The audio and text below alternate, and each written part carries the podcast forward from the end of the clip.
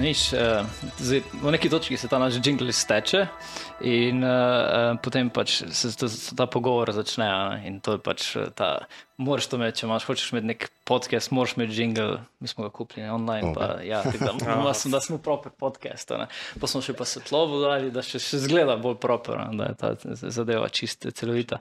Um, problem teh mojih intratov je, da fule na začetku gosta totalno ubijem, pa utišam, kljub temu, da sem se že prej pol ure pripravljali, pa pogovarjali in zato so te introti ful tako eh, nerodni. Um, teda, dejte vi najprej na začetku pozdraviti folk. Povej, bom pa jaz pozdravil. Uh, uh, Kjer kamer? Lahko je gledaš, lahko mene, lahko kamorkoli. Pozdravite folk, uh, rečete zdrav. Bom pa jaz proval po, po predstaviti malo. Zdrav. Zdrav. Zdravo. to je bil najbolj awkward. Druga se je lahko. Zdravo, ja. um, ok, bom proval nadaljevati. Uh, danes smo, smo v Mariboru. Uh, jaz sem hotel, da začnemo nekako ta break, ki smo ga naredili čez poletje, uh, z neko novo energijo, pa da poskušamo narediti nek tak uh, uizi pogovor z senior inženirji. In sem fuor razmišljal, kdo so tak, uh, taki top uizi inženirji, recimo na Štajerskem, ki jih poznam, pa ki jih spoštujem, pa ki bi imeli kaj zanimivega zapovedati. Um, pa sem se odločil, da bom vajo nekako povabil. Um, Zdaj, z Jan, s tabo imam že malo več zgodovine, te že malo bolj poznam in od tebe malo manj poznam. Um, zdaj, um, na začetku je zelo pomembno, da ko predstavim ljudi, da nekako umestim, kaj se poznamo in kaj počnete. Um, zdaj, uh, Jan, tebe poznamo v bistvu iz, uh, iz Databoxa, kjer smo, mislim, nekaj 2016, 2015. Uh, ja, ne vem točno, kdaj si ti prišel. Jaz sem bil tam from day one. Ampak, ja. uh, ti si delal za Databox. Ja, jaz sem tudi delal za Databox. Uh, In jaz sem prišel na Ptuj in so rekli, da pač tam on, on, on dečko v Vogalu, on dela iOS, vse kar je ima Apple logo, je Jan. Uh, on je bil poster boj Databoxa. poster boj Databoxa. Edini je bil, ki je imel uh, widescreen eh, ekran postavljen po koncu, da lahko tele, eh, telefon videl. Um, pa, in še danes je enako. Pa direktor, direktor je vedno lepo govoril o Janu. Ja, zato, ker, če sem prav razumel, si ti tisti, ki je naredil iOS app za Databox, vse prvo verzijo in pa tudi vse pol te neke. Ja, mislim. Ne. Koliko bi zaradi, da grem tu že v podrobnosti? Dej, dej, dej, ja, mislim, long, long story short je tak. Ja, pač, uh, Databox, prednji je postal Databox, je bil Zeppelin. In uh, prejšnji OS inženir, ki je delal za Zeppelin, uh, je pač pol na tiste točke, ko so se odločili pivotirati iz uh, zdaj pa Lino na Databox, je kvital. Po v bistvu sem jaz bil takrat star, ne vem, 19 ali nekaj takega, pač ful sem takrat rad geekal AS in te zadeve. In potem sem čist v bistvu po sreči prek enega kolega prišel not in polja moj uh, basically job tam je bil razvit ta app from scratch, torej 1.0 verzija je bila pač um, samo moje delo. In uh, na začetku je bilo to v bistvu naš flagship produkt, ki je pač celo firmo, firmo držal gor pa spravo do tega, ki je danes. Ampak sem še malo urišil, kak je bil tisti čas, ko ste, ko ste razvijali ta uh, app. Ja, uh. A, a, to je takrat še ne vem, še Swift ni bilo, še bil Objective-C, se pravi, to je. iPhone je bil star in kako ja, časa? To je bilo 2013, sem začel tam eh, pač kucati ta app, to je bil August. In uh, ja, Objective-C, po AES verzija, mislim, da šest ravno na sedem je šlo. Torej, sedem je bil tista milestone, ko so šli iz tistega skeomorfizma na flat design. Uh mhm. -huh. In mi smo pol rajdali ta wave, da smo pač um, imeli ta full flat UI in tako dalje. Uh, drugač pa, kako je to izgledalo, ja, to je bilo tako čuda. Uh, jaz sem imel plan uh, si najti nek geek čez poletje, uh, da bo pač uh, denar za id ven in take zadeve. Pol pa sem v bistvu se ful spravil zraven, ker je bilo ful zanimivo, ful dober challenge je bil, eh, pa bil je daleč najbolj kompleksen pa zahteven projekt, pač do takrat. In uh, je pač bil ful dober challenge, pa ful hype. No? Uh, zdaj, kaj točno te tu bolj zanima? Pa... Uh, bomo še prišli nazaj, da imaš še, ja. še zdaj Inuta predstaviti. Zdaj, uh, Inuta jaz poznam. Um, V nekem trenutku je nekje nekdo napisal, da v Sloveniji obstaja neka firma, ki dela z Erlangom in uh, se trudi postaviti uh, za neke telkote, če se prav spomnim, neke MySQL baze in da v bistvu te MySQL baze postavljajo z Erlangom in da tam je en wizard v Mariboru, ki dela z Erlangom. to, to, to, je, to, to je moj prvi intro do, do, do Inota. Um, Dobar intro. Evo do intro. Ja, kul. Cool. Um, jaz sem iz faksa v bistvu uh, razmišljaš, kaj bi začel delati. Imaš en kup nekih jobov, ki so, ne vem, od Java, C Sharpa in teh stvari. Je v Mariboru res bila ena, ena firma, takrat mu je en, profesor iz faksa uh, priporočal, "Ej, da bi na biokodu na, na intervju in, in grem tja in oni mi rečejo, hej, mi pa delamo z Erlangom. Ne. Wow, mislim, to je res uh, tako absurdna zadeva, ko gledaš, ko si priješ z faksa, pa nič ne veš v bistvu o tem. Um, in to je bila biokoda uh, s Sergejem in z Denisem, uh, so res, še, še, še zmeraj so eksperti v bistvu za Erlang. In v tej, mislim, da v tej okolici v bistvu ni podjetja, ki bi se na, takem, na, takem, uh, na taki kvaliteti ukvarjalo z Erlangom. In se potem začneš učiti in vidiš, da je to, mislim, najbolj, zanim, najbolj zanimiv jezik ever. Ne? Stvari, ki jih lahko tam počneš, jih drugi jeziki ti ne omogočajo. Mi dva sva se pa v bistvu spoznala takrat, ko sem jaz enkrat prišel v Ljubljano. V, um, Ker so ti neki, eh, neko predavanje, bila takrat Rubi in to. A, to in sem jaz takrat to, govoril točno. v bistvu o Erlangu. Ja, um, in v bistvu, kako se piše programi v Erlangu in to. In, um, ja, Rubi Kraut je bil, meni se zdi. Ja, vem, da smo bili vsi tako, what the. Ja, res tudi še zdaj je, je v bistvu, ko so koncepti popolnoma drugačni od Ja. ja. tega. Ajde.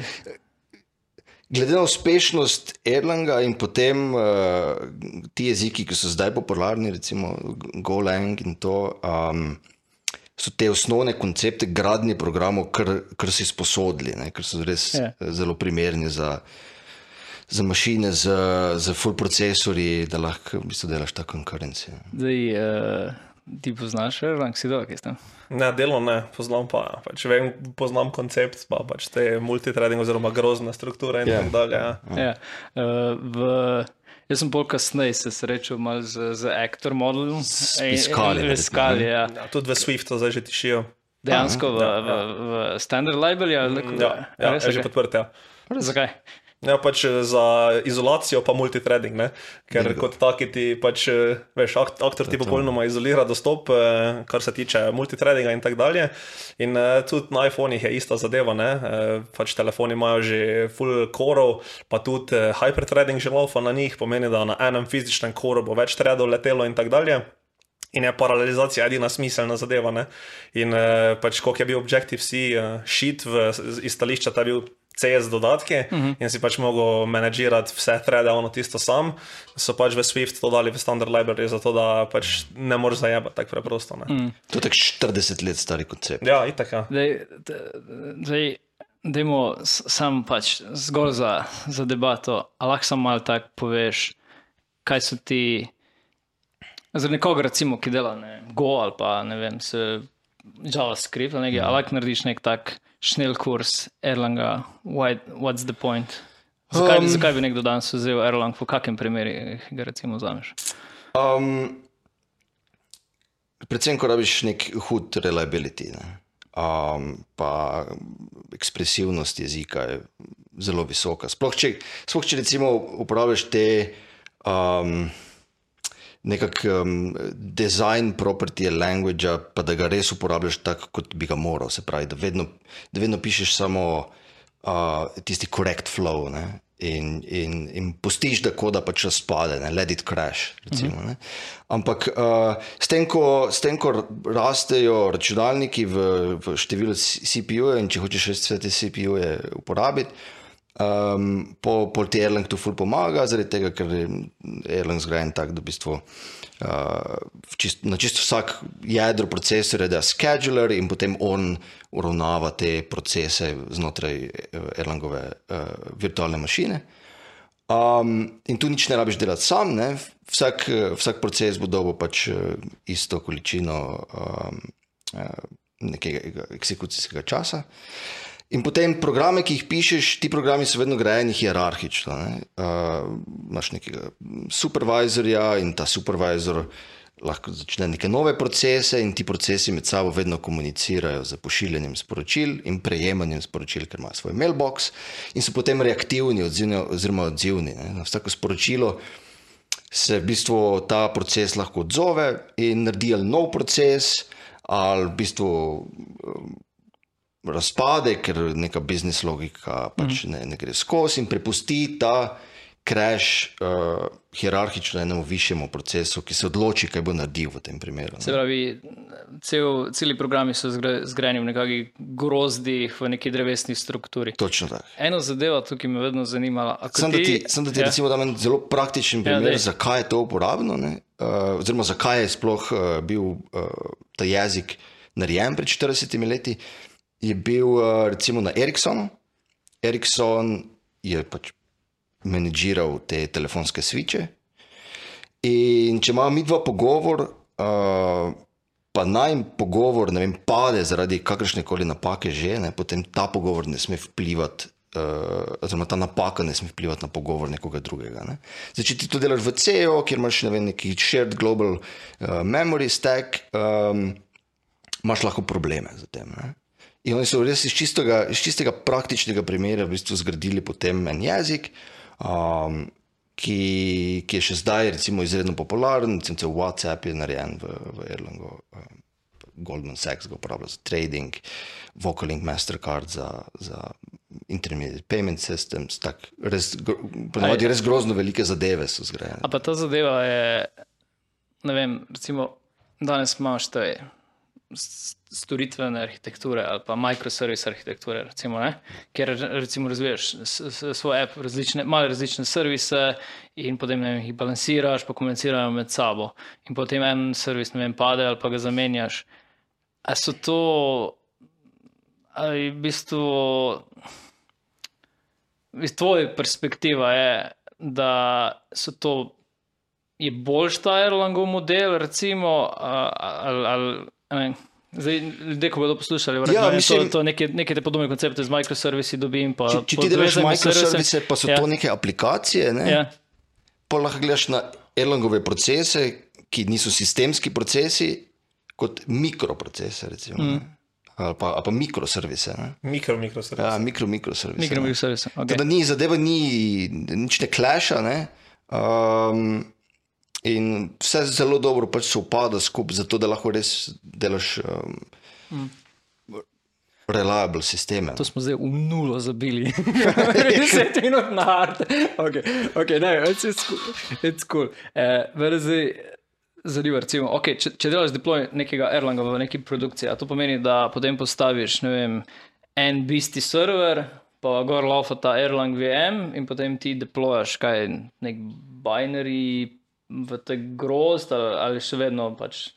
Ali tudi komunicirajo med sabo ti serverji? A, no, to je, to je, de, de, to, to še ena malo. Ena, ena, ena kul zadeva Erlanga je to, da, da v bistvu um, je bil nekako usmisljen za to, da pišeš distribuirane sisteme in da pišeš te distribuirane sisteme, ki so lahko porazdeljeni, zato ker tudi na, na tem nivoju um, posameznih serverjev, rabiš več kot en server, če hočeš imeti reliability, um, da jih lahko klastraš. Uh mhm. -huh.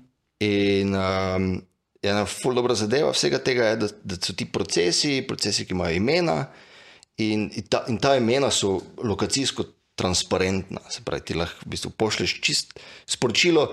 Enemu procesu, ki je lokalno, ali pa enemu procesu, ki je vem, uh, čist geografsko na drugem koncu sveta, pa je klastren v Erlangu, uh, v Erlangu klastru, mu lahko pošlješ sporočilo, brez da v bistvu veš, da je kakšna razlika. Se, ne, mm. Ta, no, Tako, glede na to, koliko imaš izkušenj z Erlangom, pa s tem sistemom, ki je pravim, 40 let star, recimo 40 let v, v razvoju, kakšen je tvoj pogled na recimo, neke Kubernetes danes?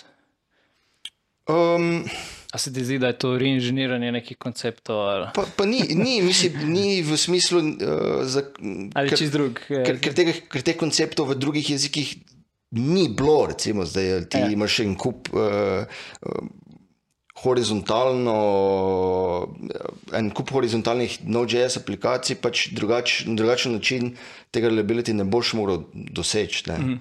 Um, pa, pa, razen da so te zadeve ekstremno glomazne, so čisto ok. E, kaj v, v prvi verziji Erlanga je že bil ta messaging, da si lahko pač location independent eh, pošiljal in tako dalje. Ej, To, to ne vem. Ja, je. Ampak uh, tudi jaz sem delal od verzije 13, mm. uh, zdaj pa mislim, da je 26. Um, je bilo to zmeraj, je bilo to zmeraj. Mm. En, en, en eh, zanimiv um, en opazanje imam, opazko, če rečeš, imam, um, da veliko teh nekih novih jezikov ali novih tehnologij, ok, recimo, da je jezik full dobro, recimo, da je jezik vrhunsko zasnovan, ampak zraven rabiš potem še ekosistem, mm. se pravi, librarje. Uh, Folk. folk, ki bo ta ekosistem kontribuiral. Ne. Zdaj, Jan je pač prihajal iz tega Swifta, tam je Swift recimo compatible z Objective-C, Objective-C je compatible z, kaj, s C-jem. in- Ja, in- pač uh, v bistvu uh, LLVM je spodaj, Ja. ki je pač v bistvu in pač ti jeziki Swift, Objective-C in še en kup drugih, tudi C in tako dalje, to so samo frontendi za isti kompiler. Um, LLVM niti ne vem, koliko jih podpira, ker vem, da imaš tudi nekaj backend jezika in tako dalje. Torej, Odgovor na tvoje vprašanje je, uh, interoperability je zelo velika zadeva pri Swiftu, ja? lahko tudi pač z assemblyjem in vsem živim ga kombiniraš. Zato, ker ja, LLVM je spodaj in to je v bistvu cel point. Ne?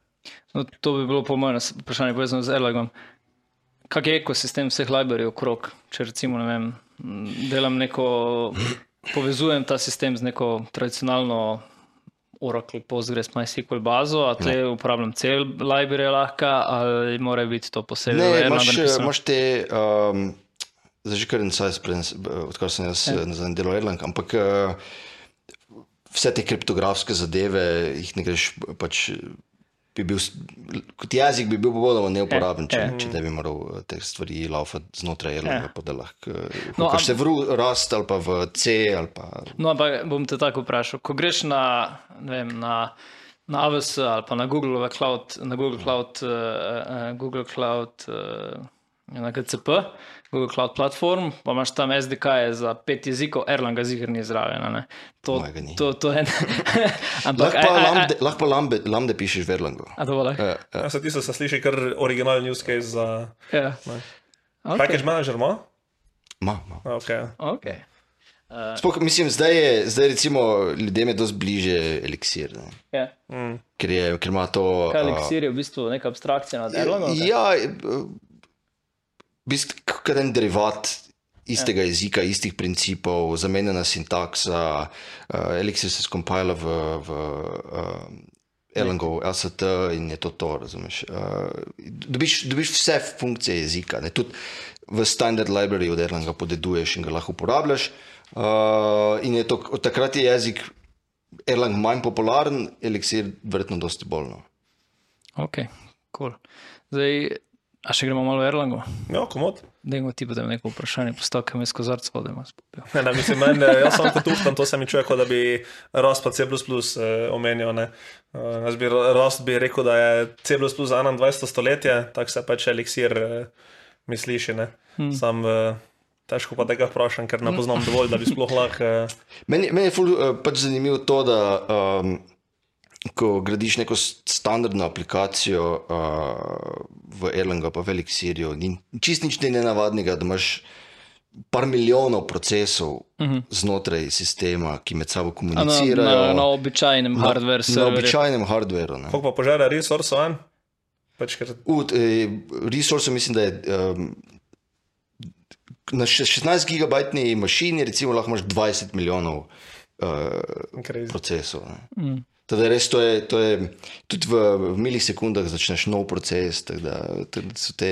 Še, še ena za- zadeva. Mislim, jaz bom zdaj lahko ti potegnem par paralel s to ako. To, to je moj pač intro v actor model, pa vse, vse to zadevo. Aj, aka. Ja, uh, AK je v bistvu uh, To je na vrhu jave. Ne? Ja, Ja. Aka je naredil uh, v bistvu framework, uh, implementacija Actor modela v skali, ampak so naredili v bistvu tudi zadevo tako, da lahko uporabljaš v Javi. Tako da so nekaj časa sta bindinga bila za, za oba jezika, mm. mislim, da še vedno sta podprta. Um, in uh, Zakaj pa nisi pol šel kar direkt na Erlang? Aha. Zakaj ni šel na Erlang? Zaradi tistega stvari, ki sem prej omenil. Se pravi, ko in the end of the day pač nočem napisati eh, a več librarije za upload filove S3 ali pa ne vem, hočem imeti eh, JDBC driverje ali pa imam neko bazo zdaj. In ko hočem interoperability, če uporabljam ACO, lahko uporabljam zadnji JVM in v bistvu vse librarije iz JVM ja, ja, ekosistema. Ne? In to je full prednost. ne. Erlang Exosem je zdaj recimo že ene, več kot 20 let je open source. Ne? Ja. In se pač full community je nabralo in tudi library. Imaš kar suporta. Ne, moje vprašanje je bilo, da pri aktor modelih se mi zdi, da velikrat, um, da cel ta koncept je v bistvu, ga lahko skoraj gledaš na ta grozde, kot v bistvu neko živo bazo. Da folk v bistvu modelira aktorje, se pravi, da realni svet poskuša zmodelirati z aktorji. Hmm. Se pravi, da imaš, ne vem, če imamo mi dva nek eh, chat, se bo za, po, za čas nekega čata dejansko ustvaril nek aktor, ki mu bomo rekli chat, v katerem bodo se messagi izmenjevali z drugimi aktorji. Če bomo naredila, ne vem, chat room, v, bo spet nek in dejansko. Aktor, aktor je s to entiteto, lahko si zelo, s- en- zelo enostavno mentalno preslikaš Ja, ja, v ja. realni svet. Ne? To je recimo Joe Armstrong, ki je zdaj sicer Joe Armstrong pa Robert Wording um, uh, standardila ta jezik. Uh -huh. uh, Joe Armstrong je zdaj pokojni že, ne, mislim, da je 50 let. Um, on, je, on je pisal v bistvu to, da vsi ti ob, objektni jeziki, um, v bistvu vsi kršijo pravila fizike. Ne? Ker modeliraš eh, programe, pa modeliraš neke, neke, neke arhitekture, pa vedno smisliš to, da imaš ta shared memory in potem, če hočeš karkoli od nekega drugega objekta, moraš iti njemu v možgane in, in mu jemati ven neke property ali pa neke, neke vrednosti. Medtem ko Erlang v bistvu simulira, kako deluje svet. Ne? Če jaz hočem kaj od tebe, te moram vprašati in potem ti meni odgovoriš in potem jaz to informacijo shranim in lahko naredim z njo karkoli pač hočem. Ne? Bom to hranil ali bom vem, povedal naprej tebi ali pa itd. Ne? Mislim, da se to lahko pri Objective podobno rečeš, zato ker ti tako imaš pač getter ali karkoli pač že, torej izpostavljeno metodo, ne pošljaš message, ampak pač invokaš, same, same, but different, ne. Res je, ampak eh, recimo, ko imaš potem concurrency, Ja, tam je pa polja. pa hočeš neko isto informacijo obdelovati, ne, pa pa delaš, ne vem, eh, ali bomo vsi probali dobiti tisti log, pa, pa te, te, te stvari menedžirati, pač to je bolj časovno potratno. ali Pa, En, en bolj zanimiv uh, challenge, je, ki ga mm, začetnik zelo hitro pri, pri sistemih, kot so se prijaki, recimo zelo hitro ugotoviš, je, ok, jaz pošljem tebi sporočilo, pa ti ga lahko pošlješ naprej, gor dol. Ampak zanimiv problem je, ko jaz te pošljem sporočilo, pa potem čakam na tebe, da odgovoriš nazaj. Ne.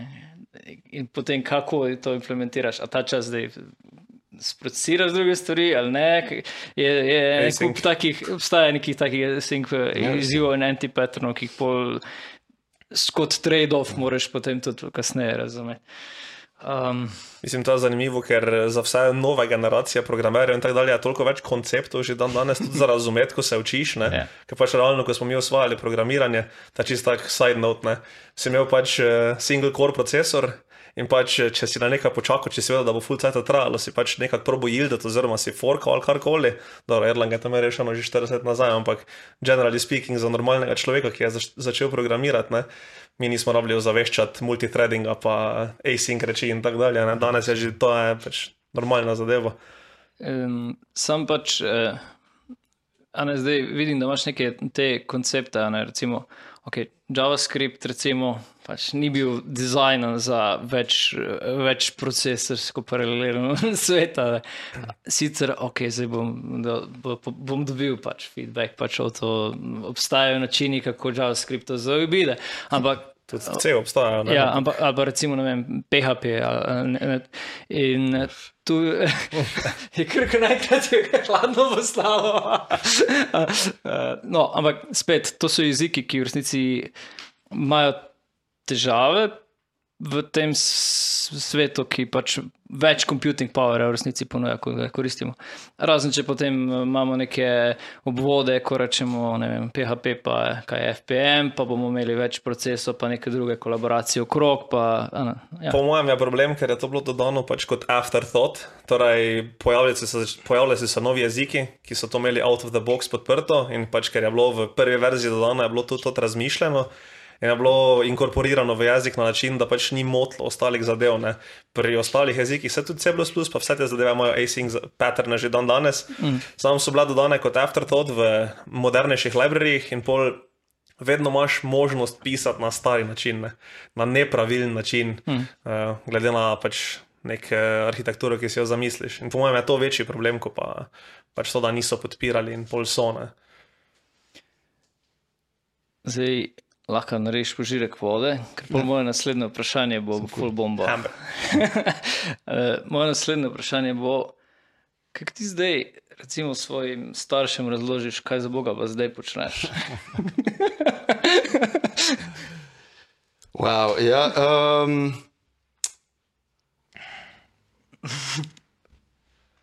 Mislim, blok, blockchain sam po sebi ima neko negativno konotacijo, ker je. Se, Matek. ja, mislim, ne, v, v, v, iz ene perspektive mogoče to ni, sploh ni, ni napačen pogled na to, po Ja. drugi strani, če, če malo eh, širše pogledaš, kaj to je, oziroma v katere zadeve se to premika, um, ima zadeva dosti več smisla. Um, jaz si to predstavljam kot uh, neke sisteme integritete. Um, svet je v bistvu narejen iz inštitucij, ki projicirajo v svet integriteto, in ti te inštitucije uporabljaš, od bank do nekih javnih uprav. Uh, zato, da tu se tudi ogromno denarja porabi za nekimi auditi in, in uh, to, da, da v bistvu projicirajo integriteto in ti te, te uh, sisteme uporabljaš. ne. Um, blockchain tu sam po sebi pa v bistvu demokratizira integriteto. Ne? Pa ti reče, ok, tu je, um, tu je nek ledger, uh, lahko izvajaš neke programe, lahko um, pošlješ neke transakcije, so monetarne ali samo nek state change. Ampak integriteta je v tvojih rokah. Ne? V tvojih rokah je na tak način, da se zmeraj lahko priključiš uh, a, temu sistemu in rečeš, nič, jaz bom zdaj šel od začetka in do konca, do zadnjega bloka blockchaina. In bom pogledal, če ta sistem res ima to integriteto, za katero govori, in to bom naredil tako, da bom v bistvu vse sprocesiral, vse transakcije bom sprocesiral še enkrat. Ne? In potem imaš lokalno ti svoj ledger in lahko za njega garantiraš, da ima to integriteto, za katero govori. Um, Ta pič si vodo. Ne, ne, ampak delam pa v tem že tako dolgo, da, da v bistvu veš, imaš ti vem, 50 ali pa 100 intervjujev na mesec. Ne? Niso, Sam- sam- niso sam- vsi DevOpsi, pa niso vsi programeri iz Sam to be blockchaina. fair, če inuta s- slediš na, na Twitterju, recimo. Na X-u? Na X-u, pardon, če ste, če ste na X-u, poiščite ga, bom dal ta hashtag noter, ne bom, ja, ga bom, ga bom dal link spodaj, ampak tvoji uh, posti so zelo tak, uh, ko je Jan rekel, pač uh, si kritičen do. do, do Jaz, a veš, uh, Recimo, ko smo začeli ta podcast, pa, pa recimo že nekaj časa nam je ljudje pravi, da je povab nikoga, da bo ne vem, govoril v, v blockchainu, po kriptu, to pa to. Ne. In je pač v nekem trenutku je zelo težko bilo ločiti to, veš, zrno od plevela. Ok, zdaj, ko so si migrirali na AI, je to malo lažje, ker je manj hajpa. Ampak, uh, a veš. Uh, Vidim pa, da ti si pa konstanten pri svoji integriteti do te tehnologije. Kaj, da, in, in, in, in, Lej, kapital zmeraj privabi en kup uh, ljudi, ki hočejo s tem kapitalom delati dobre stvari, pa en kup stvari, ki, ki mogoče ne pije vode in je tudi za nalašč ne pije vode. Ne? Um, ampak, generally speaking, um, posledice vsega tega kapitala, ki, se, ki, se, ki gre v blockchain, so bo, you know, tak, generalno dobre stvari bodo iz tega prišle. Ne? Od nove kriptografije, od uh, sistemov, ki se bodo demokratizirali, ki se bodo zaradi tega decentralizirali. Ampak ljudje, a pa misliš, da ljudje verjamejo? Pač jaz sem tu toliko replik, ne samo kot ti nočem skakati besedo, stari. Neko, jaz se strinjam, pač, eh, v veliki meri to, kar si povedal, se strinjam. Ne? Ja. Ampak problem je v tem, da dve, dve zadevi sta tu taki. Pač se strinjam kot source of truth, je pač blockchain dobra zadeva, uh -huh. ker pa, pač je tudi transparenten in tako dalje, kar je v bistvu en in edini problem, ki se ga je blockchain odločil adresati. Vse ostalo je pa bilo zgrajeno on top of that. Samo na drugi strani je pa fora v tem, ker je to completely digital asset, torej completely pač en, ena knjižica tam nekje, ki niti fizično ne obstaja, pomeni, nima nobenega real power projectiona v svet. Pomeni, nek, nekdo bo mogel na koncu dneva enforcati to, kar je na tisti knjižici zapisano. In torej, mi smo zdaj rešili problem, da imamo transparentno tisto knjižico, ki se sigurno ni bila tampered with. Uh -huh. Ampak pač, ko bo prišlo do tega, da je treba pa hard power projicirati v real world, um, pa spet bo ostala za tem neka institucija, oziroma imaš potencialno single point of failure. Ampak se ti zaupaš vladi, da bo to. Ne bo vlada to rešvala. Prej ja, sem rekel, da to najmanj nas sprašuje o politiki. Ne, in, uh, ne še, čez pol ure, pol bo mogoče. Ja, ja, maybe, maybe.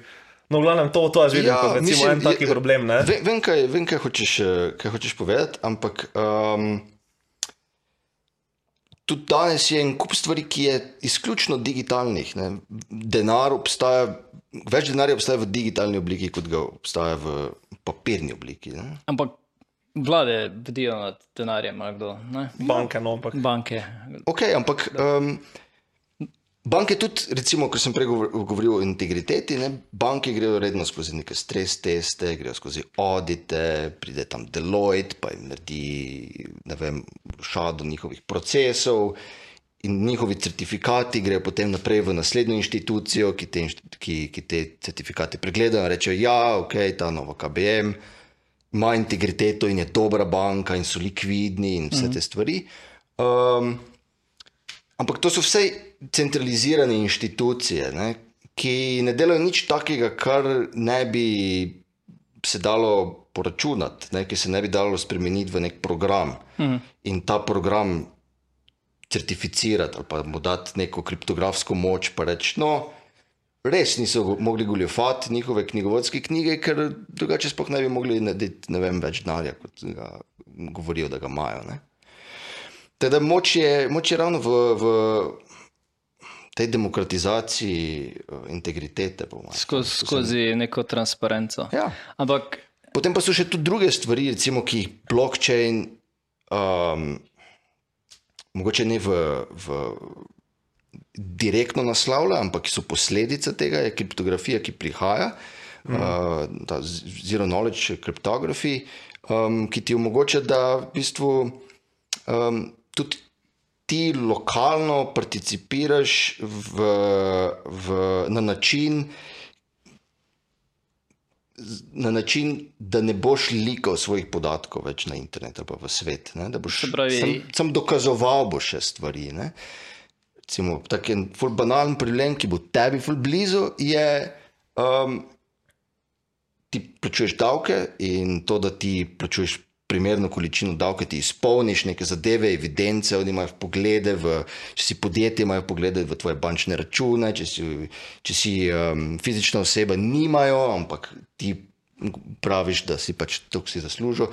Oni lahko dobijo iz tujine uh, podatke o tebi in tvojih prihodkih. Um, Te zadeve se da recimo, narediti na taki način, da ti nobenemu uradniku nikoli ne izdaš nobenih detajlov, svojih osebnih detajlov o tem, uh, svojih prihodkih in jim pokažeš en proof, en dokaz, ki ga lahko oni uverijo in rečejo, ok, vse je bilo izvedeno po naših pravilih. Se pravi, na, vso, ler, na vse te lere, ki si prej govoril, ne. na koncu ti samo veš, kak je rezultat. Ja. Pa veš, da je cel proces bil auditan, in- oziroma je, je chainan in vse, ne veš pa detajlo, kako je prišlo Tako. Do tega končnega rezultata. Tako, ker zaupaš matematiki Ja, in tako, kriptografiji. Mislim, ta del je meni bolj useful kot pa, pač ta problem, ki ga, mislim, po mojem, trenutno, kaj blockchain rešuje, torej že tisti pitch iz 2829, ko je šel Chain Live, ko je bil tisti skrin, pač eh, slika tistega cajtnega uh -huh. uh, Banks, A, another ok. bailout ali nekaj, pač tista, po mojem, edini problem, ki, je, ki ga dejansko reši, medtem ko pa večino ostalih, ki jih trenutno bi naj blockchain reševal, um, so ali na koncu je, mora biti neka institucija za tem, ki bo hard power projektala v svet, ali pa je pač v veliki meri na teh napravim vse. Za full disclaimer za pač poslušalca, jaz sem, eh, spremljam to že od 2012 redno, pa sem fan in tako dalje, verjamem v blockchain kot taki. Ampak ja, me pa, me pa jezi ta exploitation, eh, ki je, kjer je pač ne vem, 99,9% projektov in reči, ki dan danes obstajajo na blockchainu, pač popolnoma neuporabnih. Ne. Ja, ampak eh, to ne pomeni, da, ne, ne da bi zdaj branil ta exploitation, ampak uh, ta sistem ni nič po exploitationu, ni nič drugačen kot, kot kater- katerikoli drugi. ne. To se strinjam. Mislim, to- kup nekih startupov, ki rezajo denar, pa potem nič ni iz tistih floskul, razumeš? Ja, ne, to se strinjam. Pač, mislim, blockchain kot tak, jaz, jaz bi ga opisal kot tehnologijo v plenicah, ker pač tudi banke, ki, so, ki jih imamo danes, niso nastale v pač 15 letih, koliko imamo za blockchain, ampak so, pač, so, so se skozi letja, ja. stoletja razvijale, da so na nivoju, ki ga danes rabimo in pač po mojem tudi kripto še rabi nekaj časa. Ne. Ja. Sam, uh, Jaz sicer mislim, da, bo, da bodo slejko prej te banke um, na sistemih, ki temeljijo na blockchainu. Ne? Pa mogoče na začetku tega ne bojo na zven komunicirali, pa povedali. ne, to bo vse prisotno in sploh ne bo re relevantno. Ne? Tako, tako da rečeš, da pač imamo Oracle bazo, boš rekel, pač mi imamo zadnji neki blockchain, neki neki. In bo Ja. pač Mislim, to je- business as usual. Da, to- je nek gol to je smotrno narediti, ne, realno. To je, to je good benefit, ne? ampak again, ko, ko, bo te pa, ko pa te bo treba rubiti, pa spet pač vemo, da si dolžen. No, ampak si, če, če je rekel, da obstajajo tam dokazi, bo pač dokaz, da si pač. Ne, se, Da se, je čas, da ti rubim, pač bo enforceli glede na blockchain. ne. Zdaj, če mu vsi Če verjamemo, imaš kaj vzeti. ne. če imaš kaj vzeti. To se strinjam, ampak to, to je ravno to, kar hočem reči. Ne? Jaz se strinjam, da pač zapis kot taki bo bolj transparenten, pa bolj verodostojen, kar je good. Uh, ampak še vedno rubiti te mora priti pa nekdo, ki se bo odločil, jaz zdaj ga- zdaj ga pogrem. No, sam, a veš, malo gremo v tisto nek eh, sodelovanje tehnologije, pa, pa, pa veš, tehnologija, pa poslovna logika, če hočeš, ne, in ni vse ravno. Nekje si je ta barier, ki se konča. Uh, sej, pač, če downloadaš Postgres bazo, server, pa začneš lov, pač nimaš, imaš bazo, full dobro bazo, vem, a, nimaš pa biznis logike. se Pravi, ne ampak dobro, point, kaj si. Uh, Ampak zdaj še sam, zdaj bom od bomo šli moče en layer više. Um, zdaj ti, ful, če prav razumem, tudi veliko delaš z Ethereumom, ali kaj? Oziroma, Ja, izključno. izključno z Ethereumom. Um, ali lahko še to zadevo malo mal bolj Aha, okay. predstaviš? Pa zakaj je mogoče glih ta, ker če smo se prej o Erlang VM-u pogovarjali, tudi Ethereum je kao virtual machine, če prav razložim. Neko je. No. In uh, za uporabo tega virtual mašina plačuješ. Okay, no. A lahko nam to še malo tako uh, sestaviš? Okay. Um, Po upajanju če vprašal še bolj globo. Ja, se, IBM jaz tudi kar dobro poznam. No. Ja? In No, ga no, zgolj no. Zdaj, zdaj uh, lahko na Ethereum ali pa na blockchain gledaš, kot uh, ti si še bil na faksu, pa so bile še procedure, takrat uh -huh. uh, so te učili na Oracle pisati procedure. Um, je mogoče to meni dosti zanimiva prispodoba, sploh z tem, ko se je Ethereum roadmap malo spremenil, uh, iz tega, da so da so uh, želeli shardati execution, pa sem pa tja, da je zdaj v bistvu, aha, ok, zdaj pa je to res baza in je taka data availability baza um, za, za vse možne scalability uh, approache. ne. Um, kaj, je, kaj je problem Ethereuma? Um, Ti še prej povej, kakšna je še prednost, preden ga gremo disati. Aha, je prednost je to, da v bistvu um, ti lahko napišeš uh, program, Uh, program si bo, program deployeš na, na ta uh, na, na chain, na Ethereum, in tam bo živel, in kdorkoli ga lahko uporablja. Ne. Lahko vidi tudi kodo.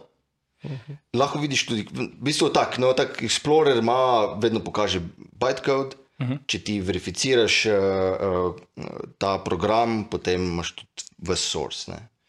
Um, zdaj, ta source zna včasih biti kar kompleksen, in potem se ljudje vem, uporabljajo nekatere aplikacije, ki se malo spodmaknejo, vrak pulajo, pa jim pokradejo denar. Tako da z tega, z tega vidika so zadeve kar nevarne, moraš paziti, s, kateri, mm. s katerimi stvarmi se ukvarjaš. Ampak um, generalno gledano je pa to en tak transparenten sistem, ki ti omogoča, da um, izvajaš neke programe. Random fun fact, v ChatGPT si lahko back in the day vrgel cel Solidity contract, pa mu rekel, najdi mi exploite, pa ti je pač te basic zadeve, ti je kar poiskal. In je bilo full hackov pa tega takrat. Objavljeno. Ja, valjda, ker so pač, ker so te najbolj simple kontrakte so hackali, ker s ChatGPT. -jem. Ampak to je v bistvu ranljivost v pogodbah, ki jih pišejo ti ljudje, ki so dejansko useri Ethereuma, ja. pa definirajo te kontrakte in so pač kaj, matematične napake ali napake v VM. Logične, ponavadi. Logične napake. Ne, v, v, pač Division by Zero. Ne, ne, bolj pač ti kot programer, eh, pač, ko pišeš kakršno koli drugo kodo, se ti zgodi, pa narediš bug podobne zadeve so tu, pač, da, lahko, vem, da so kakšne res kondični omogočeni, da lahko kakšne transakcije podupliraš, ko jih ne bi smel in tako dalje. Torej, tra, pač transparenco, ki ti jo nudi EVM, pa to je pač fenomenalna in je v bistvu tako, smo se prej pogovarjali, um, če smo tam bili na basic blockchainu samo transakcije, tu lahko pač verificiraš tudi uh, celo zgodovino klicev teh uh, programov in kaj se je dogajalo in pač prideš do realnega stanja, torej še en nivo abstrakcije nad samim blockchainom ampak pač polje še vedno nič ne varuje pred človeško neumnostjo. Ne? Mm. In torej človek, ki piše te programe in pač ponudi neko funkcionalnost na IVM-u, mm. um, lahko naredi pač bug in to se pol eksploita največkrat. Res je. Ampak, ker imaš ti chain, pač kopijo tega chaina lahko lokalno, pomeni, da dejansko lahko narediš v bistvu rollback, pa dejansko celo, celo, celo interakcijo s tem kontraktom dejansko ja. poženeš in boš dejansko videl, kaj, kaj ja. se je zgodilo načeloma. Okay. Odvisno sicer od uh, inputa, outputa, pa od stateov ostalih, ampak načeloma lahko vidiš delovanje. Okay. Ja, mislim, vidiš lahko spremeniti, ne moreš nič. Ja, tako je. Ja. Tudi tud no, input, output, vse vidiš. No, ampak si ti zdaj predstavljaš, da grem jaz pred board, pa rečem, mi bomo uporabljali zdaj Ethereum kot backbone naše banke.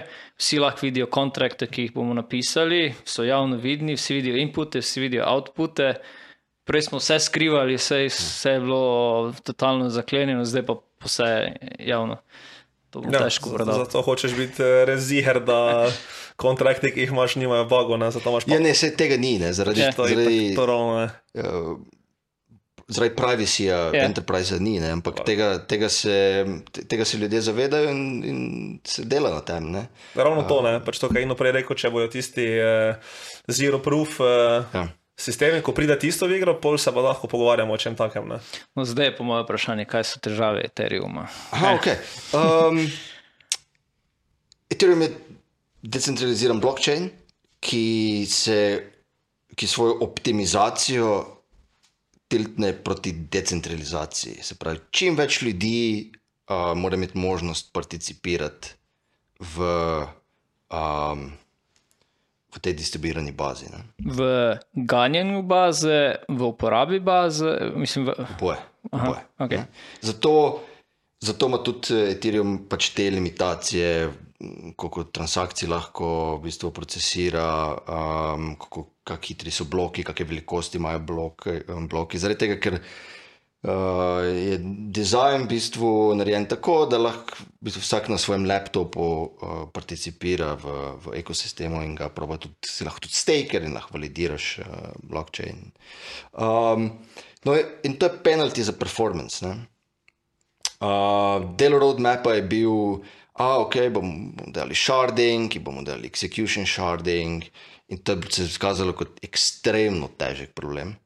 Um, In uh, potem je, mislim, da je 2018 um, v bistvu Vita- Vitalik naznano, da uh, se ta roadmap bo spremenil in da bo Ethereum šel v bistvu v smeri um, uh, roll-up scalinga. Ne? Um, in to je v bistvu tisto, kar sem razlagal prej, kjer Ethereum postaje dejansko baza ali pa data availability uh, layer za, za, za te roll-upe. Roll-upe so, roll so pa v bistvu, um, če si predstavljaš eh, te tovorne ladje, uh, pa je tovorna ladja napolnjena z vsem sranjem uh, Ethereum. Ne? So potem, pred 150 let nazaj, smo v bistvu, ne, to je mm, kot zanimivost, uh, smo iznašli kontejnerje za, za tovorne ladje. Ne. In zdaj ti lahko kar naenkrat na isto tovorno ladjo spraviš dost več stvari in, in dost hitreje te stvari unloadaš uh, in tovorna ladja lahko gre naprej. Ne. In to so rolapi. Uh, rolapi so v bistvu eksterni sistemi od Ethereuma, ki, ki še nimajo, ampak bodo imeli um, um, security samega Ethereuma z na eni strani eh, ekonomskimi igrami, a pa na drugi strani z, z kriptografijo. No? Če je ta pol L2 dejansko ali, ali mešam, pač ko imaš te layer 2 solutions. pa Ha, ja, to je ICT bi lahko potem rekel. Ok, ok, fair enough. Um, no, jaz se specifično ukvarjam z Optimistic Rollups. Uh, Optimistic Rollups delajo na ta način, da vzamejo v bistvu execution client od Ethereuma ali to Erigon, Geth, Nethermind, whatever, in potem ga tako malo modificirajo, specifično delam za, za Bedrock. Um, um, Optimistic rollupi um, dajo en, en čist mali footprint na, na kodo samega execution klienta in, um, in potem proces, procesirajo transakcije, uh, jih batchajo, kompresirajo in v bistvu postajo potem na Ethereum kot call data. Mm, Ta ekonomski del vsega tega pa ti omogoča, oziroma ta ekonomska igra, pa, pa pravi, to je game theory, pa pač pravi, ok, če ti uporabljaš naš sistem, na- naš optimistic rollup, potem je v tvojem interesu, da participiraš v tem našem networku uh, in lahko participiraš kot nek validator. Ta validator bere te transakcije iz, direktno od nas ali od našega rollupa, ali pa gre pa jih bere direktno iz Ethereuma in jih v bistvu, v bistvu recomputation. Ne? Vzame vsako transakcijo posebej in jo aplicira na svoj ledger. In uh, potem imaš še ene, ene kompone, eno, eno, sist, en komponento v tem rollupu, ki se mu reče proposer. Proposer vzame te batche in naredi me- Merkle root uh, vseh teh batchov, Merkle hash root. Um, in ti validatorji v bistvu delajo isto in primerjajo Merkle hash root, ki je bil postan na Ethereum, pa svojega lokalnega. Rečejo, hej, um, vse je ok, ali pa hej, nekaj šlo na robe. Ne? In pol v bistvu odigrajo ta dispute game. Dispute game um, je pa v bistvu, ker ti challengeš tega sekvencerja, to, naš, to entiteto uh, za specifično transakcijo, pa močeš dokazati, da si proval nekoga ogoljufati. Um, ta ekonomski del vsega tega je, da v bistvu sekvencer mora dati uh, nek stake, challenger mora tudi dati svoj stake, to je lahko ne vem, v etrih ali lahko v dolarjih, kakorkoli. In odigrata to igro, in na koncu kdorkoli pač zmaga to igro, um, dobi stake, Aha, stake. uh, nekoga drugega. Ne?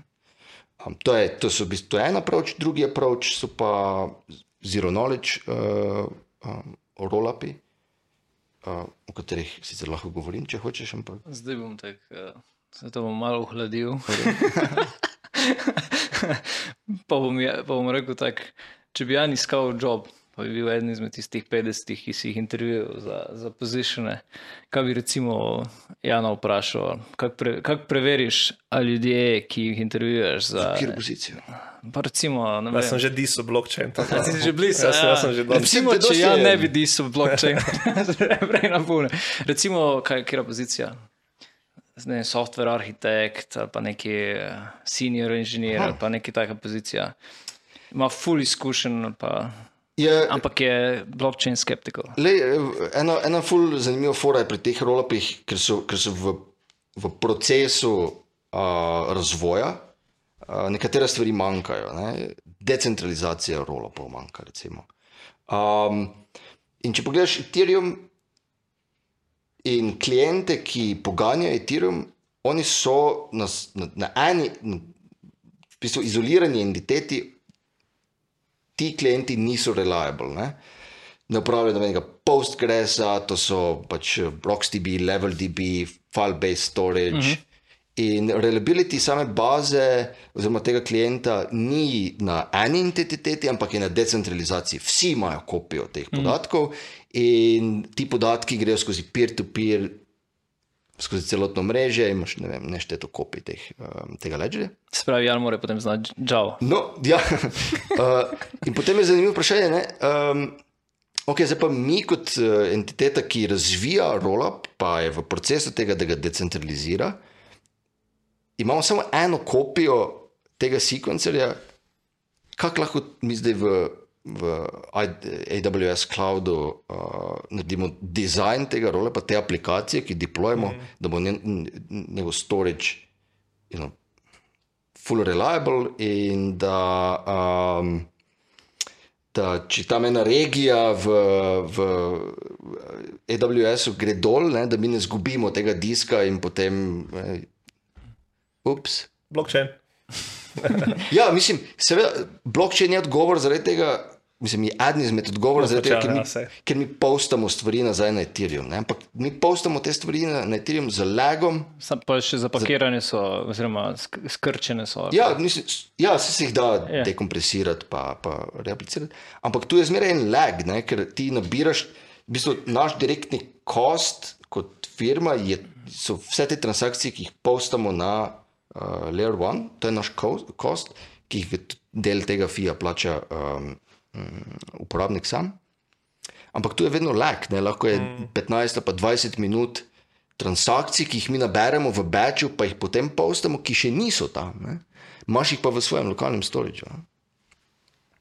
Um, in v čem je zdaj tu fora? ne? Uh, dan danes v cloudu, sam veš, da se dizajnirajo aplikacije stateless. In potem imaš te baze, ki ti omogočajo to replikacijo same po sebi v svojem dizajnu, tu pa tega nimaš. Ne? Kaj lahko narediš za stateful aplikacijo, da bo safe? Ja, Jan, kaj narediš? Sure. Čakaj, jaz sem se prišel, zdaj sem na job bro. intervju, ali to se mi ti tako čudno smesto, ne? Ne, to, je, to je recimo, ne, k, zaposlujemo mm, infrastructure, infrastructure people. Ne. Mm. Take stvari je dobro, da, da No, poznajo. ampak pa da kaj, kaj vaš tekst je, kaj to delate v C-ju, C, Goju. To je Execution client, Golang, mm -hmm. um. A ja, ne smeš, NDA pa to. Ne, to, Ja. vse, kar delamo, je open source. Aha, okay. Tudi ta research del, ki ga delamo z Zero Knowledge uh, stvarmi, so vse. E, e, se to ful, briljantno, tehnično, ful zanimivo, ampak a dejansko imate stranke ali to razvijate s svojim kapitalom in kot nek research? Um, ali, ali je to, ali je to neprimerno vprašanje sploh? Ne, super vprašanje je. Uh, vsi ti rollupi so v bistvu developer platforme. Uh -huh. Uh, ti imaš retail uporabnike, ki pridejo uporabljati tvoj Uniswap deployment, ker je tam uh, exchange, Mhm. pa tradajo, to so lahko čist uporabniki, lahko so nek enterprise fund, ki pride tja investirati. Na drugi strani imaš pa projekte, ki so pa čist firme, ki pa um, uporabljajo tvojo platformo zaradi nekih featurejev, ki jih imaš. Ne? Ampak vse to je permissionless, nas nišče ne vpraša, če lahko deploja. Ne? Mhm. Izvoli. Um, a še lahko poveš, kaj je to Layer 2 v Ethereumu? Aha.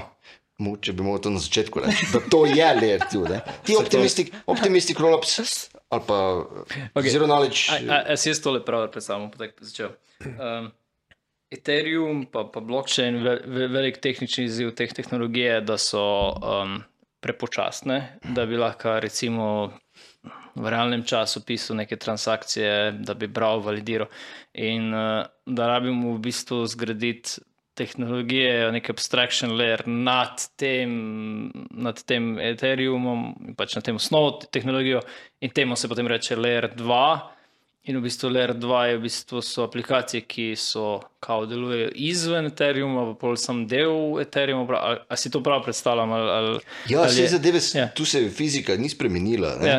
Ti narediš startup, začneš z ne- neko monolitsko aplikacijo in je potem vse tam not, in potem dobivaš stranke. In, uh, nekaj bo treba spremeniti, ker je zadeva prepočasna, pa začneš nekako ven trgati neke stvari. Recimo, uh -huh. uh, je eden izmed approachov. ne, izmed, uh, Jaz bi ga tu to, ne. laično od- opisal, pač ti malo popraviš, če, če se zmotim. Ampak pač predstavljaj si tako, torej to, kar si ti vprašal, je v sredini je blockchain, torej tista baza, ki ti pač skrbi za tisti truth state, ground state. Ethereum, EVM je pol skript zadeva, ki laufa nad to bazo, pomeni pač ti zagotavlja, da pač tvoj virtual machine eh, ima transparenco. Pol imaš pa L2, je v bistvu so lahko domain specific zadeve, ne rabi biti nujno sam za večjo prepustnost, ampak ali pa kaj takega, pa pač ti lahko določene dele, tako je pač Ino rekel, abstra, pač vzameš stran, trgaš ven, narediš high performance app za tisto specifično zadevo, za najbolj pogosto so to pač neke transakcije in tako dalje, kar je že tudi recimo Bitcoin z Lightningom hotel in podobno. In pol, ko si pač ti zadovoljen z svojim delom, torej na svojem L2 si nekaj zaključil, pol to pošleš procesirati na L1, torej na EVM dejansko. Hired. Kart. Ta taka bolj Ne, je, ne, da- je, to, je, to je vse res. Edina stvar, ki je pa tu ful pomembna, je, da pač uh, ta 1 kot Ethereum mora imeti neko sposobnost um, izvajanja programov, ker drugače ne moreš uh, uveljaviti tega security. Drugače ti Layer 2 sistemi pač ne morejo Ja. ja. biti secure. Ne? Nimaš nič od blockchaina. Ja, tako. Lahko jih uporabljaš kot storage, ampak rabiš tudi neko om- dovolj močno uh, sposobnost, da te prufe ali pa, ali pa um, kriptografijo potem tudi izvedeš, ko moraš neke stvari dokazati, uh, glede sistema, ki je alertil. Okay. Um, zdaj, uh, to bi tam cautious. zdaj, Jan uh, je, je sicer, jaz, jaz ga še vedno vidim kot iOS, Apple, superstara. Tako da mogoče zato ne bo glišal v blockchain. A pa tudi, no, ne vem, zdaj. Mislim, delam z blockchainom, pač mislim, da sem Ja. tudi kucal te solidity kontrakte in tako dalje, mi je zanimivo. Sam ja, tu smo zašli res v. Um, jaz bom zdaj proval malo ven zleči to debato. ne. Um, pa bom, sicer smo verjetno že ful izgubili poslušalcev, ki smo skočili na glavo to, ampak okay. šli all in. Okay. Bom zdaj v tej točki rekel, da če so vam te vsebine zanimive, če, če, če bi radi, da še naprej delamo kvalitetno produkcijo. Um, Pogovorov o tehnologiji z zanimivimi sogovorniki. Če želite, da smo ogrodje za tehnologijo, dajte potem nas podpreti na, recimo na Patreonu. Um, tam uh, boste dobili kot premium subscriberji v Patreonu tudi perkse, kot so recimo, da dobite vsebine prej, preden jih objavimo na vseh public kanalih, um, pa tudi ne vem, video, audio in, in kup nekih perksov. Tam, teda, tam nas lahko podprete, nam bo zelo pomagalo. Um, ogrodje je pa tudi možno zaradi te z, z, z podporo dveh podjetij. Podpirata nas eh, podjetje Trifas in Human Frog, tako da hvala tudi tem. Uh, to je nek tak commercial aspekt, ki ga morate dodati. Da, ja, lej, stari. Reklame. Reklame. Reklame. Reklame. ne. Zgodilo se je, sploh nisem vedel. Ja, mogoče bi sicer mogel na začetku povedati, ampak če na YouTubu gledate to zadevo, dajte se tam subscribati, ker eh, potem dobite vsebine. Soglasen na začetku podcasta, pa vsi 15, 15, 15, 15. A, okay. Ja, Adblock, če se en. Ja, lej, učimo se. a Glede, veš, ja. Um, Uh, fun fact, lahko tudi na YouTubu drugače kupiš eh, premium subscription, z VPN-om si daš državo na Argentino ali pa neki third world in je monthly subscription like en dolar in pol ni reklam, pa family paket lahko vzameš in imaš mislim, da like pet računov. Lifehack. Just saying, Damn, to- just saying. Amazing. NordVPN. Mislim, jaz jih ne moram, ker so ultra skomercializirani, pa trajajo na polne reklame, tako da ne, nekoga, ki je malo manj znan. Ampak ja, sorry, Oto, da ja, ste kul, vse kul. Ne, zdaj, uh, Drugi fun fact pa je, da lahko tudi pol, eh, ne, jaz sem tu na home networku Pi-hole um, in si lahko tudi en proxy gor na, na konfiguriraš, da ti YouTube ade puca ven. Pomeni vsi, ki pridajo v moj network in pač eh, blokne domene. Pi-hole, eh, dejansko, ok, ne, ne bom. A je to, le- a je to legalno sploh? Ne, veš, da je. Ja, pri nas je. Ja, okay, pa, pa ni problema sploh. Ej, jaz sem imel tukaj pod fun facts, sem si jaz napisal, pač, glede na to, da sem jaz že precej časa poznamo, sem si jaz napisal fun facts. Ne. Tukaj ima napisano um, TNT. Aceton peroksid. Ja, uh, a boš to razložil? Uh, potem imam tukaj še napisano uh, šiviljec, to mogoče ne vem, ne vem kaj je fora. Um, ampak uh, bom mogoče naredil segway s tem. ne, Um, ko, si, ko si bil uh, moj sodelavec v eni firmi. Uh, Preden si bil moj šef. Preden sem bil, ja, ne, ko, si, ko sem že bil tvoj šef. Um, je bil um, vsako leto konec, uh, začetku decembra se začne Advent of Code, to mislim, da ti boš poznal. In uh, sem rekel, challenge v ekipo, sem rekel, tisti, ko bo rešil Advent of Code, uh, dobi Jacka. In, in Jan je. Slab trade. In Jan je en, en, en december zamenil za, za, za flash Jacka, ki jo je tudi seveda dobil, zato ker je rešil cel Advent of Code. ne. Um, Kjer jezik. a, kjer jezik je bil? Mislim, da Swift sem takrat imel, ali sem vzel pa rast, nisem ziger. Um, eno leto sem tudi z rastom delal. A boš eh, najprej sem povej, kaj to je. Ja, sure. Mislim, zelo mi je ono čudno, ko smo šli ultra in depth, jaz moram zelo tu zabavati ljudi. Ampak eh, No, pa- in, in short, ja, pač Advent of Code je ala adventni koledar, sam na mesto, da so čokoladice 25 dni, so pač programerski problemi, torej ne vem, neki algoritmi in take zadeve za razvit in pač gre 1. decembra se začne na um, 25. pa mislim tam enega desetega si že želiš, da ne bi se sploh lotil tega. In polja, pač vedno bolj kompleksni problemi so, in uh, ta to. Um, A je Advent of Code je v bistvu vsak lahko sodeluje, pa da še razloži malo mehaniko Ja, za tiste, sure. ki, ki niso. Šer, šer, torej, ja, pač, eh, mislim, da komorkoli je programiranje hobi in se rad uh, ukvarja s kompleksnimi problemi, pač ideja Advent of Code je, torej, da imaš nek page, kjer je nek problem podan in je čist, um, kako bi rekel, laično opisan na način, da ga lahko vsak človek razume, ampak poiskati rešitev je pa kompleksno. Pomeni, ni zadeva zasnovana tako, da lahko kjerkoli jezik uporabiš, oni ti podajo nek input. Um, ne vem, banalen primer za take zelo začetne probleme je bilo. Eh, imamo osebo, ki se fura z dvigalom, in vsakič, ko gre eno nadstropje više, imamo uoklepaj, vsakič, ko gre eno nadstropje niže, imamo zaklepaj, in pač ti je podan nek input, eh, povej, na katerem nadstropju je oseba končala. Ne? In uh, to je na začetku, pač dobesedno lahko sam komand F, pa komand, pač pogledaš, koliko je oklepajo, koliko je zaklepajo, pač zračunaš razliko, imaš. Pomeni, tako se začne, ni odvisno od jezika, ni odvisno od tvojega pač problem solvinga kot takega, lahko kakorkoli se lotiš problema. In vsi problemi so zasnovani na tak način. Uh, in polja je pa na tebi, kako boš to rešil čim hitreje, ker prvih 100 dobi tudi neke pike.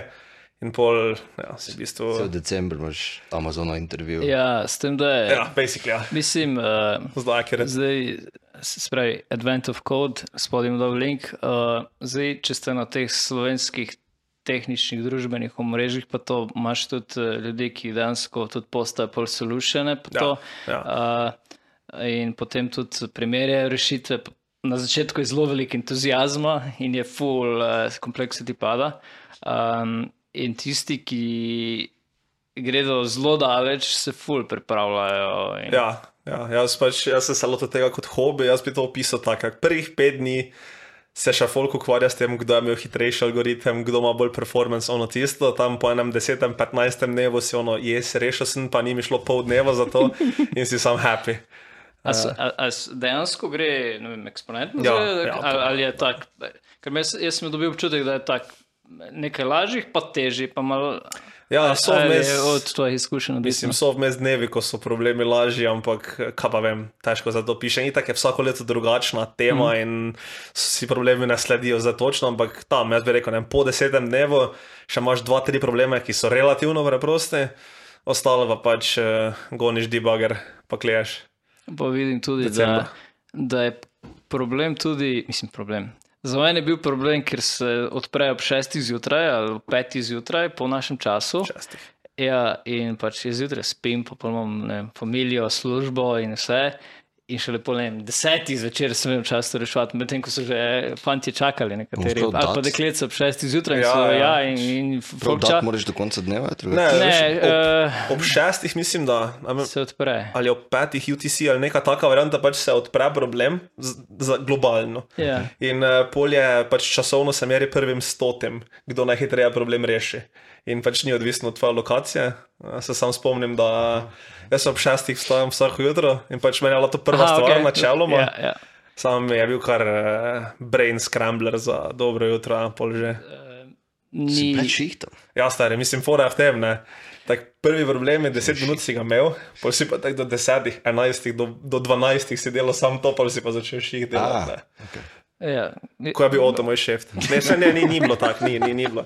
Sorry, ni bilo. Please explain, zakaj je naš output Ne, december ne, saj zdaj smo že oba tako daleč. Um, firme, pa tudi Iz, izziv v tisti firmi, kot takrat je bil, da sem Jana zaposlil kot uh, nekoga, ki bo bil eh, vodja razvoja mobila in bo razvijal ap mobilno aplikacijo. Katero podjetje?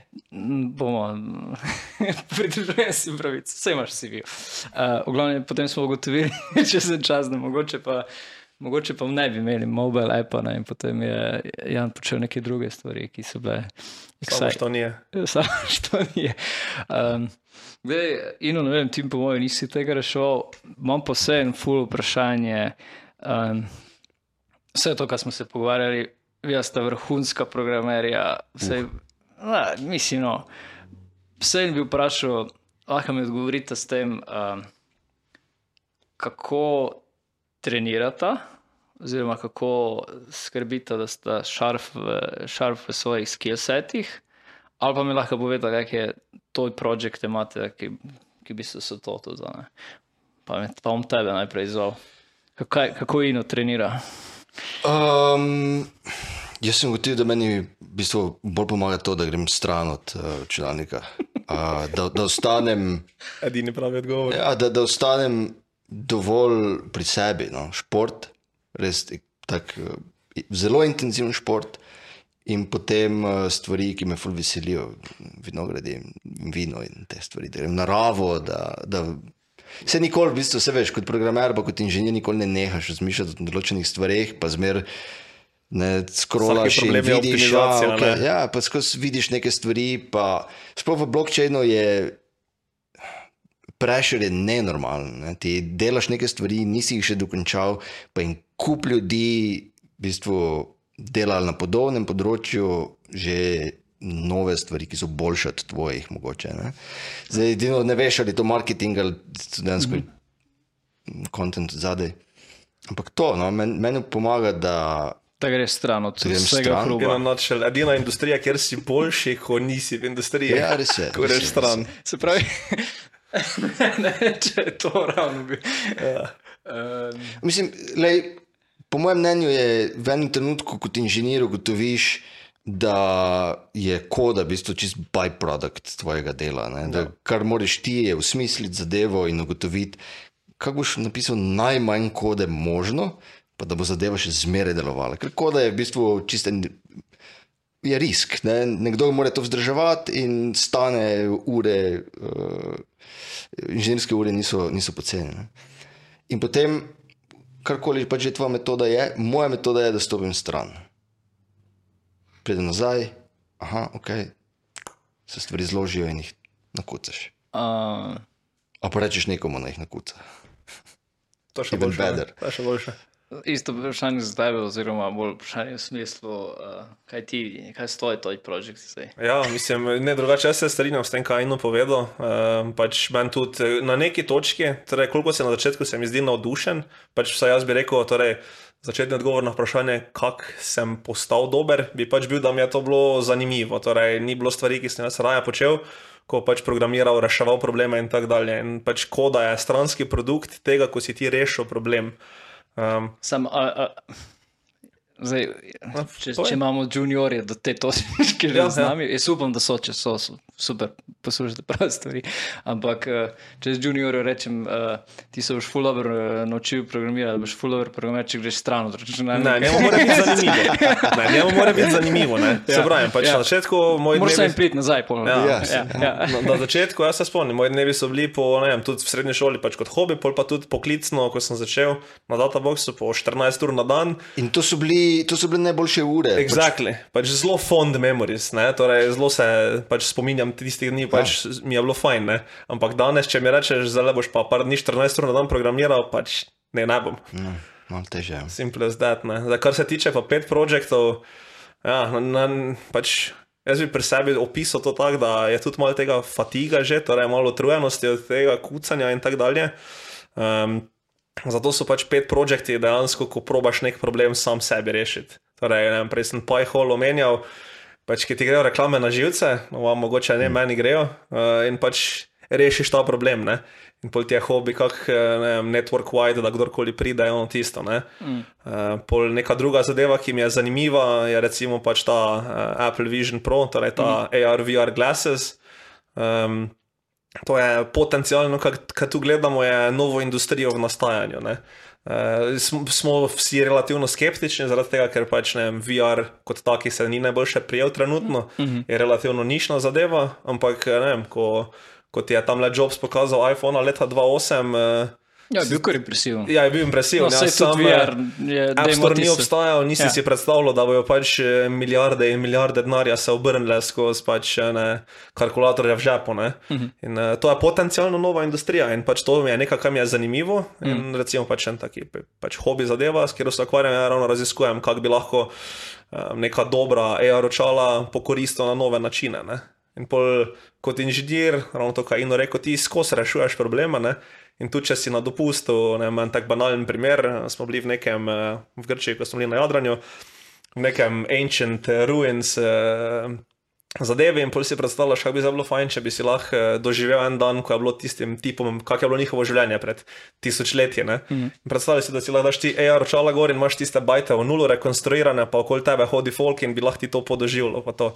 Kako bi recimo lahko ti nekaj tajega folku približal. Mm. Take zadeve so mi recimo zanimive trenutno. Ne? Čist um, lightweight reči napram heavy engineeringu, kjer se poglabljaš v arhitekture, scale, ono tisto.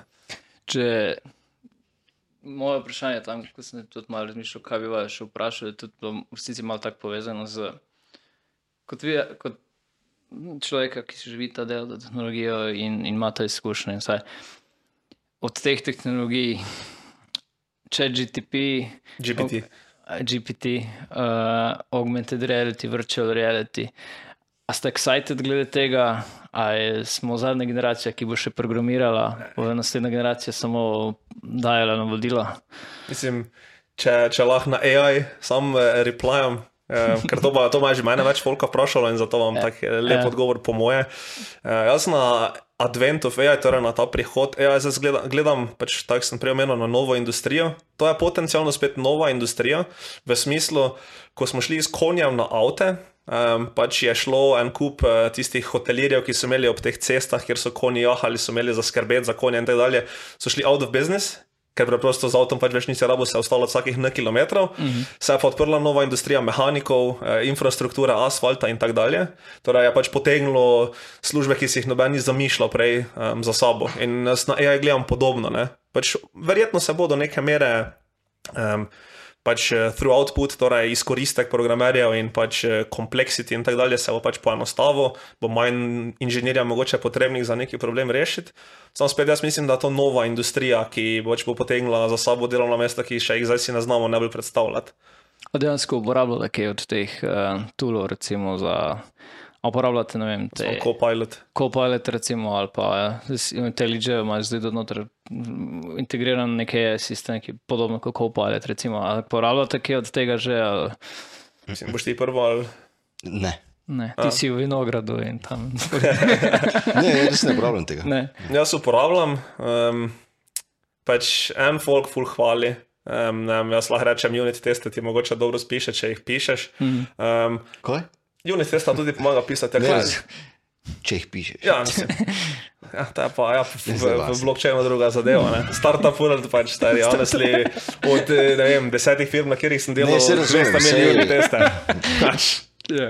eh, ampak imaš pa pol tudi variante, da ti ne vem, neke povzetke na Slacku, pa to napiše, to pa recimo useful. Aha. Da imaš, eh, veš, v nek channelih si nek velik enterprise zadeva, je, kje imaš za ti cajt brati vse. E, Edina stvar, ki sem jaz zasledil v teh sistemih, je, da so izredno samozavestni, tudi kadar so Ja, ja. popoln bullshit. Ne? Ja, agri. agri. In uh, potem, pač, koliko so take stvari uporabne, če ne veš, če so bullshit ali ne. Mm, Pač, če GPT je glorified uh, prediction, če me naprašaš. Glorified autocomplete. Kaj je najbolj logičen output na input, ki si mu ga podal. Uh, ja, to, Ja, to. v, v tej generaciji. Ja, tako je, v tej ja. generaciji, ampak smer Ja. ja. je zelo jasno začrtana. Trendline je hiter. Ja. Ja. Pač, uh, Um, kaj bi svetovala um, tistim ljudem, ko so zdaj hranili konje ob cesti, zdaj bodo pa mogli postati avtomehaniki? ja, ta dobro vprašanje. Pač, samo ne, samo mislim, vinograd, ne, ni vinograd. tuhtam, tuhtam, Saj, ne, jaz smo na to ni- Štajerskem danes, samo ni- vinograd, Ni trivialno pa vina, vprašanje. pa- Ni trivialno vprašanje. No, aha.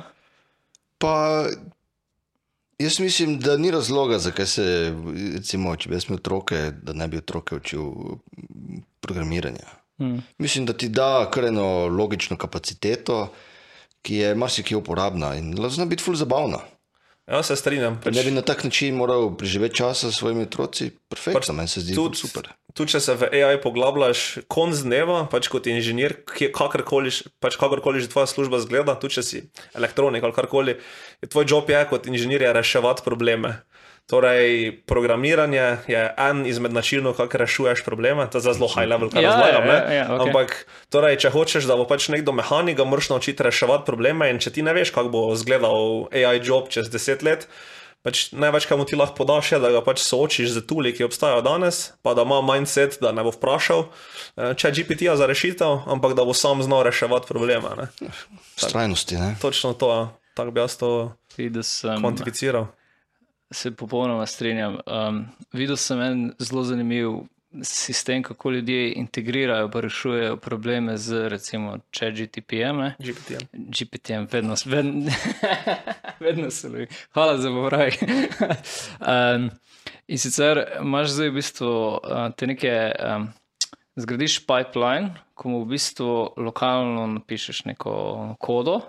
In input zgradiš, pošlješ input tja, rečeš, recimo, vem, tole je moja struktura baze, on ti bo strukturo baze isto obdelal kot language model, pošlje nazaj odgovor tebi in potem ta umestni layer na tvoji strani, recimo, ne, naredi dejansko poizvedbo in pa spet pošlje nazaj, tolmači mi to poizvedbo. In ta pipeline in pa integracije so nekaj, kar v bistvu zdaj vidimo kot neko nasledn, naslednjo stopnjo, ker vidim, da se zdaj ful dogaja in veliko ljudi dejansko je začelo graditi lejere okrog G- eh, GPT-ja uh, in kot. Uh, Se pravi, da ne vejo, da ga v resnici sploh uporabljajo, ampak je skrito zadaj in, in, in generira, ne vem, query ali pa ne vem kaj. Ja, je pa slično kot L2 pri IVM, ko smo se prej pogovarjali. Ne? Pač uporabljaš neki produkt, ker ne veš, da je pač blockchain spodaj, ampak to ni, ni pomembno na koncu koncev. ne. Uh, To je pač novi vektor za reševati probleme na neki način, torej, če, če te prav razumem. Ne? Uh, Pač en fun fact, tak en bolj mindfuck application AI, recimo mi je ena firma obstaja Lightmass, lansko so slovenci, um, kjer so nagruntali, da lahko ti v neural network encodaš 3D prostore. In uh, predstavljaj si, ne pač, eh, predstavljaj si za video igre, da imaš. Um, Prej si mogel imeti n gigabajtov tekstur, eh, objektov, ono tisto tretje, ki so se pač naložili v RAM in renderirali, zdaj imaš pa en AI, kjer je v, pač v težeh, torej enkodan cel level in mu ti feedaš pozicije, je zelo lajčno povedano, on ti pa ven pljuva 3D slike, kak prostor zgleda na tistem območju in so pač full, full manjši leveli, ono tisto. Pač, mm. Če me razumeš, kako kot hočeš povedati. alternativa nekim kompresiji ali kaj. Pač leveli so veliki po ne nekaj, kar je bilo prej 20 giga za 1 giga in uh, performance je absurden, pa tako dalje, zelo zanimiva zadeva. Tada AI kot tak je, um, po mojem, da kot backend uporabljaš ChatGPT, uh, se limitiraš. No. Um, pač ta zdaj hot topic, ta zdaj, kjer se denar dobi, kjer se cache reza in podobno, ampak še daleč pa ni to silver bullet za vse probleme. Ej, eh, jaz imam še vedno na disku en file, ko si enkrat delal uh, sam uh, self-driving car. De ta, ta demo, se spomnim, da je bilo, si vzel video in Ja. ja. potem si, Sem posnel video. si posnel video in si delal self-driving car. Kaj se je zgodilo s tistim projektom? Ja, to je bil hobi, to je bilo še čas, ko se je človeku dalo programirati. Uh, ja, to je spet long story short. Jaz sem takrat kupil avto, ki je imel ta um, dist, uh, radarski tempomat, a mi je bilo zanimivo in potem sem si pač hotel nagruntati, kako te zadeve funkcionirajo. Uh, ja, takrat tam ni bilo nič AI noter, tisto je vse heuristika, pa matematika in podobne zadeve. Zakaj se je zgodilo s tistim nič? Pač razvil sem proof of concept je delal in tam je ostalo. Okay. Če boš pa ovno, pa z veseljem ti pošeram, le. Top. C, to da performant. Um, bom zdaj, zdaj moram reči, Kar visoko zaupanje v svoje uh, sposobnosti, da greš svoj avto malo. Mislim, samo ne bi dal voziti, po mojem. No, maybe, ajde, se vse Mislim, jaz sem dobil posnetek, ko, se, ko detekta črte, pa se pravlja, pa se vozi. Tako da uh, Delalo je. še vedno imam tam kot uh, Jezus Krist. Ampak je. um, počasi bi to, to našo zadevo mogli pripeljati uh, k koncu, ker fanti, ki nas eh, snemajo in vam pomagajo, so že ženi. Um, mogoče bi še zadnjo tako temo vi up, postavil kot community uh, ali pa recimo te GitHub kot tak. Um, zdaj vse te eksperimente, vse te kode, tudi to, production zadeve, ki jih vi delate, dajete ven. In zdaj vse, kar dajete ven, je hostano na GitHubu. GitHub je postal nek tak community, nek tak hub. Kaj vama predstavlja recimo ta GitHub? A je to dejansko postalo zdaj da spot, kamor se greš tudi družiti, pa pogovarjati z drugimi developerji, ali še vedno vidite samo kot odlagališče kode? Mogoče malo reputation building, Ja. kot kaj drugega. Sem ta tudi Stack Overflow uporaben. Uh, Ni full padlo, upravljalnost. Uh, GitHub ali Stack Stack Overflow? Overflow. mislim, je full pada, ampak pač hočem reči kot, kot reputation building. Uh, Pogojno, drugače pač ja. Reputation building. Mislim, čata ravno nimaš na GitHubu, ne? torej lahko pogledaš, tega kaj nekdo ne, počne. Ne? Ja. Ni, ni četa na GitHubu. Jaz sem začel tweet prebral, Ne, da je nekdo.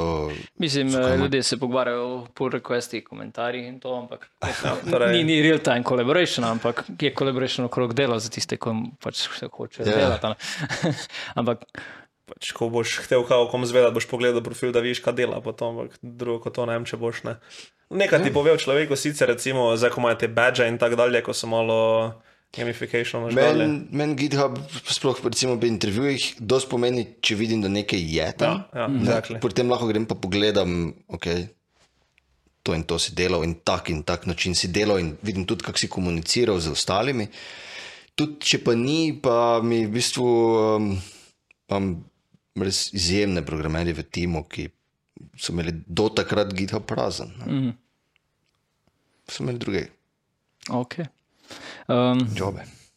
lahko še skozi zadnje vprašanje dam to s TNT-jem, če boš razložil. Ja, to je moglo biti na začetku, ne? ampak ja. ja. Za vse tiste, ki so res ustrajali. Ja, v intro video, nekaj sem se za eno besedo, ker sem na robe razumel, sem se za eno besedo kot geek opisal. Ja. Preden, preden sem bil v programiranju, sem bil v elektroniki, pa tekmovanju v robotiki, preden sem bil v elektroniki, sem bil v kemiji.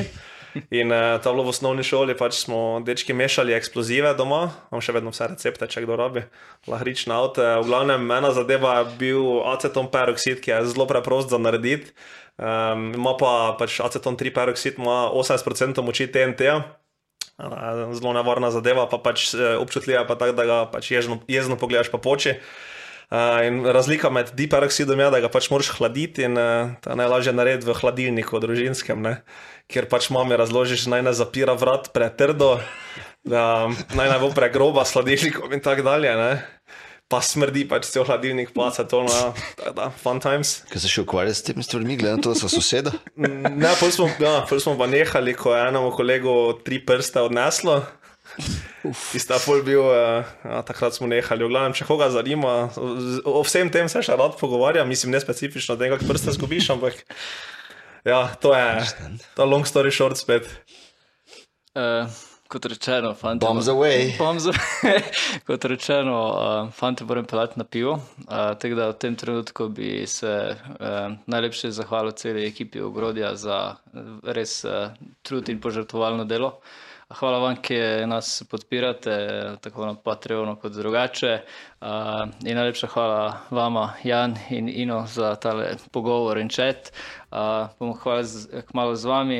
Uh, delite to zadevo naprej, uh, subskrbite, pa če imate kakšen feedback, bomo zelo veseli, da ga nam date. Da, um. Tudi uh, jaz se fulrad pogovarjam s Folkom in general. Um, če bi kdo z veseljem rična, odgremo na kakšno pivo ali pa karkoli, da bi gledali. Hvala za povabilo. Hvala vam.